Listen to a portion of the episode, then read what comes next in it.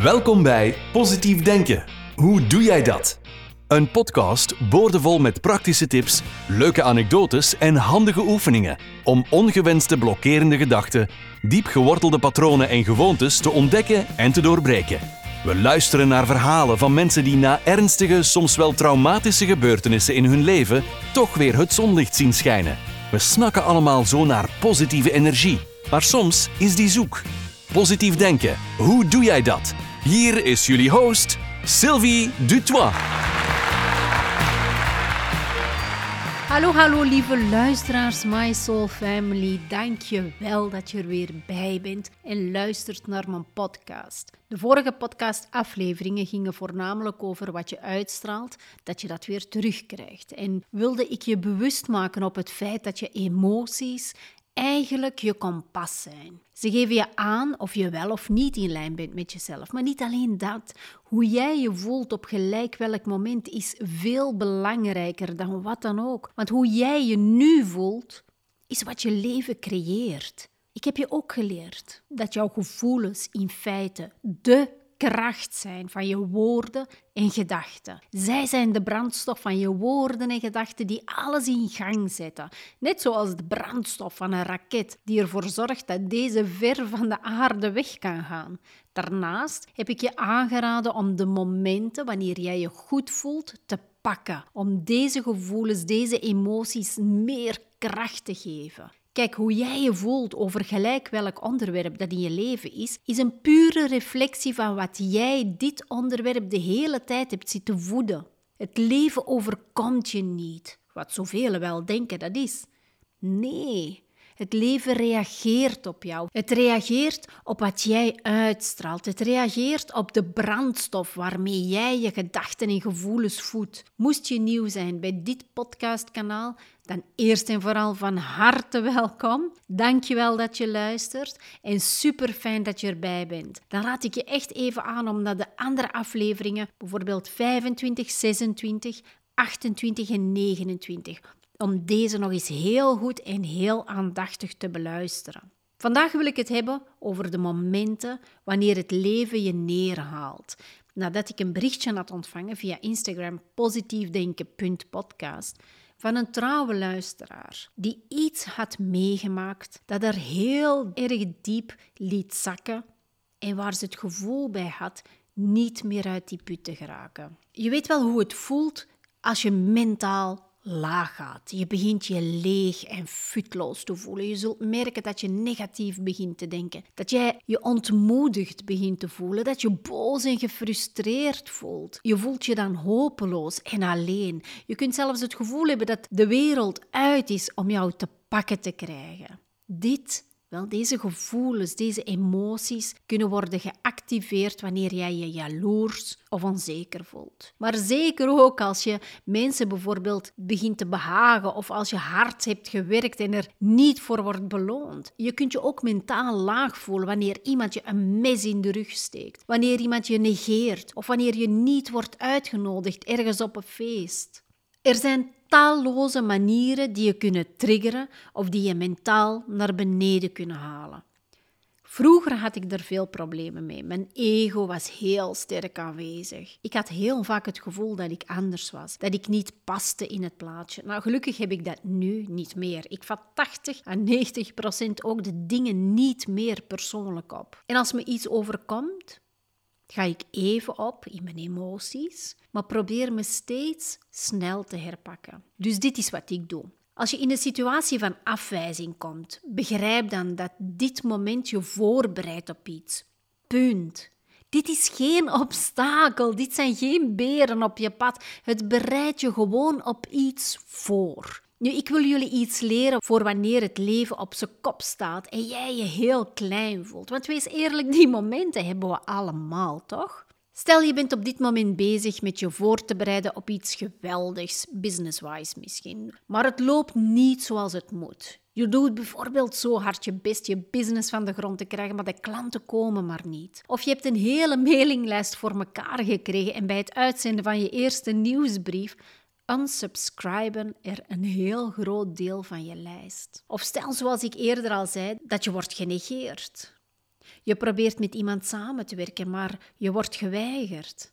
Dat kan ook gebeuren als je net start en je wilt met iemand samenwerken die al veel verder staat dan jij. Maar zo ook op gebied van de liefde. Stel je bent smoor op iemand, maar dit wordt niet beantwoord. Deze persoon negeert je, wijst je af, wilt niets van je weten. Kijk, zo'n afwijzing of iemand die je negeert, is de weg naar een omleiding. Zo noem ik het. En het is waar, waar je nu ook mee te maken hebt. Of het nu gaat om een afwijzing van een persoon, of afwijzing van een businessplan, of afwijzing van de leverancier waarmee je wilt werken, of wat je ook probeert te verkopen, of afwijzingen van die persoon die je heimelijk bewondert, waar je ook mee bent geconfronteerd in afwijzing, is het een omleiding. Het enige dat je hoeft te doen, is vast te houden aan het geloof, de hoop het vertrouwen, de moed en het optimisme, wetende dat elke keer dat, je, dat het leven je niet geeft wat je dacht dat je wilde, je altijd ergens beter uitkomt. Punt.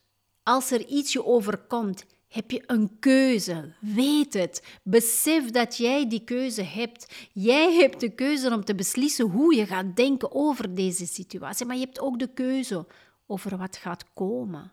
En daar ligt jouw kracht. Dat moet je weten. Je moet dit beseffen. Oké, je moet niks. maar het is wel het beste voor jou. Wat ik altijd tegen mezelf zeg, is dat dit een zegen is. Het is een blessing. Oké, soms vat ik het ook even persoonlijk op, maar wanneer ik mezelf, mijn gedachten omleid, weet ik in het diepste van mijn ziel dat dit een zegen is, een blessing. Ik zeg tegen mezelf dat ik gefocust moet blijven en niet verdwaald moet raken in die negatieve gedachten. Want als je deze negatieve gedachten en emoties niet stopt, dan ga je naar beneden, alsof een duikboot een snelle duik naar beneden naar de diepte neemt in de zee, niet rekening houdende met de druk in het water en die druk je helemaal beklemt en je niet meer kan ademen. Jij hebt de keuze. Zorg dat je gefocust blijft. Laat jezelf niet mee naar beneden halen in die duikboot die zoveel druk op je hart, je longen en de rest van je lichaam gaat zetten en je letterlijk doet snakken naar adem. Dit is het moment om je te herpakken.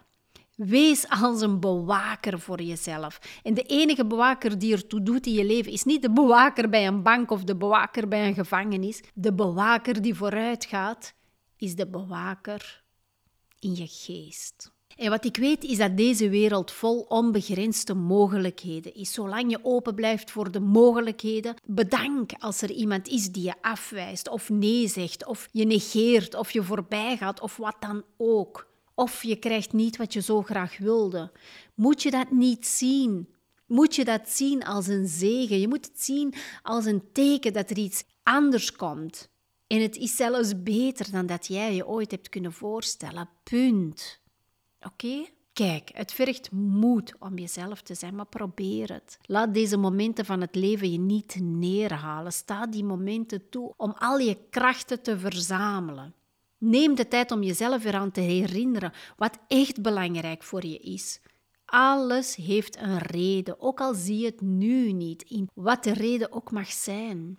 Iedereen komt wel eens op een punt in het leven dat het leven je neerhaalt of je wordt afgewezen.